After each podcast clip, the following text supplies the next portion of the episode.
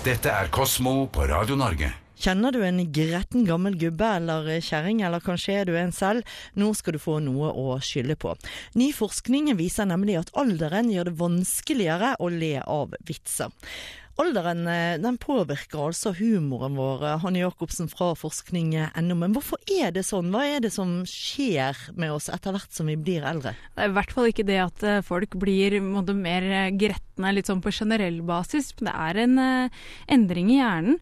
De tror, disse forskerne som har testa vitseforståelsen til eldre og yngre forskningsdeltakere, at det er korttidshukommelsen som blir svekka, og det vet man jo fra før at det kan skje for eldre. Um, og også evnen til å tenke abstrakt og tenke på flere ting. Og hvis man tenker på en vits Veldig mye av poenget i en vits er ofte en slags dobbelthet. At uh, et ord kan bety to forskjellige ting. Uh, sånne ting som uh, kan forsvinne hvis du ikke evner like godt å holde veldig mange tanker i hodet på én gang. Det behøver altså ikke å bety at du har blitt en gretten gammel gubbe dersom du ikke ler av barnebarnas vitser. Absolutt ikke. Det kan bare rett og slett hende at den blir litt for abstrakt. Og noen av disse vitsene er jo mer fortellinger. ikke sant? Sånn at hvis du sliter med å holde tråden hele veien og tenke på hva den doble meningen egentlig henviste til for fem minutter siden, når man kanskje forteller en vits litt omstendelig og sånne ting, så, eh, så, er det ikke noen grunn til å tro at eldre er mindre humoristiske. Og de, de kan jo like gjerne le av noen som faller på et bananskall som uh, du og meg. Dette er jo noe det har blitt uh, forsket på. Kan du si litt om hva forskerne har gjort? Det de f.eks. har prøvd å gjøre, er å ha to grupper med forsøkspersoner, noen yngre og noen eldre, som ble fortalt en vits, så skulle de prøve å fullføre poenget. De fikk presentert presentert forskjellige alternativer, og så skulle de velge det morsomste poenget. Ehm, da var det sånn at de eldre gjorde dårligere De eh, hadde en dårligere odds for å, å treffe riktig poeng da, når de skulle fullføre den testen. Men det skal sies at det var ikke, det var ikke de voldsomme utslagene. Eh, de eldre klarte å, å fullføre det 6% dårligere, så det er jo en, en, et visst utslag, men ikke noe sånn derre hoderystende tap av all humorsans eh, det er snakk om. Det å le er viktig, og humor er helse, en god latter forlenger livet. Alle disse tingene her er jo ting vi får høre ofte, men dette gjør vel faktisk at det er en større utfordring for godt voksne å le, da? Altså i hvert fall av uh, ungdomsvitser? Ja, det kan se sånn ut. Eh, det er eh, En del vitser er ganske kompliserte og legger opp til en del implisitt kunnskap som kan gå tapt hvis det blir vanskelig med korttidshukommelsen.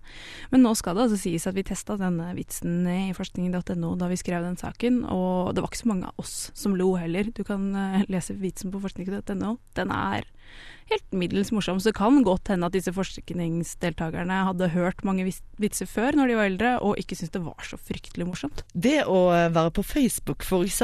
i godt voksen alder, det kan faktisk lønne seg. For nå viser det seg at sosiale medier kan være bra for eldre hjerner. Her er det vel egentlig, Hanne Jacobsen, ingenting å, å vente på. Det er vel bare å, å komme i gang. Ja, det er jo ikke noe som tyder på at dette her har noen negative konsekvenser. Det er eh, amerikanske forskere som har tatt en gjeng med eldre og delt de opp i forskjellige grupper. Og så latt noen av de forsøke seg på Facebook hvis de aldri har vært der før. Og så er det andre som har prøvd seg på en måte samme type skriving, kanskje en nettdagbok, kanskje en dagbok for hånd og sett på hvordan det eh, påvirker minnet deres. Og da er det spesifikt det som heter arbeidsminne. Det er det minnet som du og jeg henter frem når vi skal gjøre en ny, eh, en ny handling. Da. Sånn at hvis du får masse informasjon slengt i fjeset, så må du være i stand til å filtrere ut det som er relevant for den oppgaven du skal gjøre. Og for gamle mennesker så går den evnen ned. Det er en ren biologisk ting. Men de som er på Facebook, de klarte De fikk eh, 25% bedre arbeidsminne etter bare to måneder på Facebook. Vet vi noe om hvorfor det er sånn? Altså hvorfor vi, det gir hjernen vår en boost?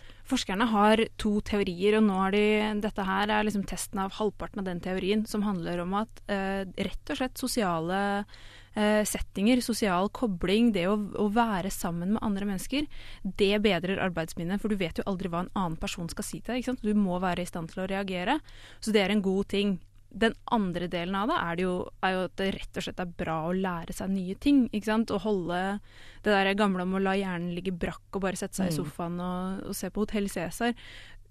det har nok noe hold i det òg, da. Så det er to forskjellige faktorer som virker inn. Eh, og så har vi kanskje et tredje punkt. Jeg tenker på det å være sosial. For det er jo mange når du når en viss alder hvor barn og barnebarn gjerne har bosatt seg andre steder i landet eller i utlandet, men likevel så slipper man da å sitte og føle seg så ensom som kanskje mange eldre gjorde før man fikk dette tilbudet. Absolutt. Eh, og da har du muligheten nå til å liksom å få en stimulerende input, ikke sant. Der disse deltakerne som dro på Facebook, fikk jo beskjed også om å, å legge ut ting på Facebook og, og, faktisk bruke det aktivt. Og det må jo gi en liksom, indre motivasjon også til at her vil jeg være flink, og her vil jeg kunne vise frem noen fine ting. Og, og jeg får masse tilbake igjen fra andre mennesker som jeg har lyst til å gi positive tilbakemeldinger på. Så det er en måte å holde seg inne i samfunnet og med på det som skjer uten at barrieren blir så høy som at du må ut og måtte dra på løpetur i skogen. Og selv om du aldri har eh, logget deg på og vært på, på Facebook før, så er det altså ingenting å kvise for. Kanskje en fin ting barnebarna kan hjelpe en med også å komme i gang med, hvis en har mulighet til det. Ja, for det, man skal jo ikke på en måte bare si 'bestemor dra på Facebook' og så la henne klare seg selv. Det kan jo være utfordrende å finne ut av alt sammen. Selv jeg syns jo det.